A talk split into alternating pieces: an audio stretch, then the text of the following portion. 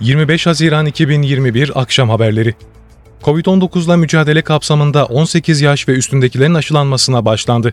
Randevu aldıkları hastanelere giden 18-24 yaş arasındaki gençlere COVID-19 aşısının birinci dozu uygulanmaya başlandı. Sağlık Bakanı Fahrettin Koca, geçtiğimiz çarşamba günü düzenlenen Koronavirüs Bilim Kurulu toplantısının ardından bugüne işaret ederek 18 yaşından gün almış bütün vatandaşların aşılarının tamamlanmış olacağını ve randevu alabileceklerini açıklamıştı.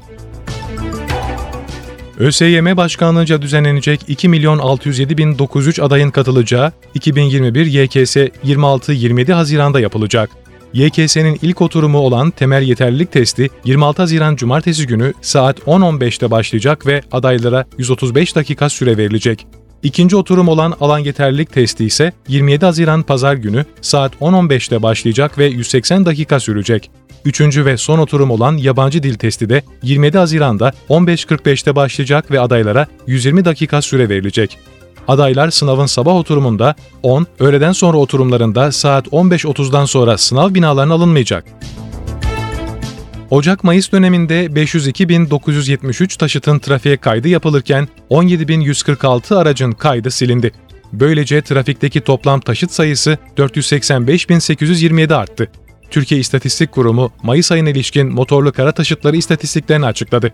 Buna göre Mayıs'ta trafiğe kaydı yapılan taşıtların %49.9 otomobil, %27.9'unu motosiklet, %12.4'ünü kamyonet, %6.1'ini traktör, %2.9'unu kamyon, %0.4'ünü otobüs, %0.3'ünü minibüs ve %0.1'ini özel amaçlı taşıtlar oluşturdu.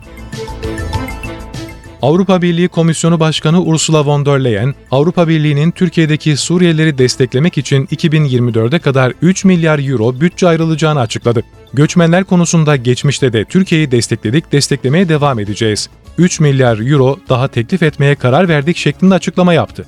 Türkiye ile ilişkiler son dönemde düzeldi, Kıbrıs konusunda ilerleme sağlanması üzücü diyen von der Leyen, Yunanistan ve Türkiye arasında diplomatik görüşmelerin olumlu olması ümit verici vurgusunu da yaptı.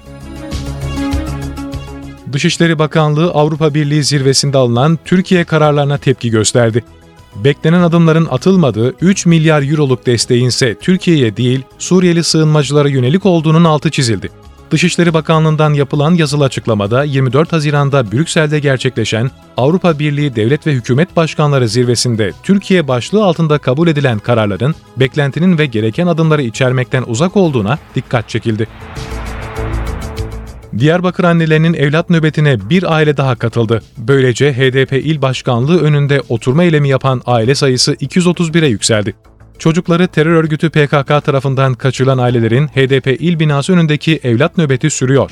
3 Eylül 2019'da başlayan eyleme bir aile daha katıldı. Kars'tan Diyarbakır'a gelen Nazime Toptaş, 2016'da İstanbul'dan kaçırılan oğlu Ali için oturma eylemine başladı. Evlat nöbetine katılan aile sayısı 231'e yükseldi.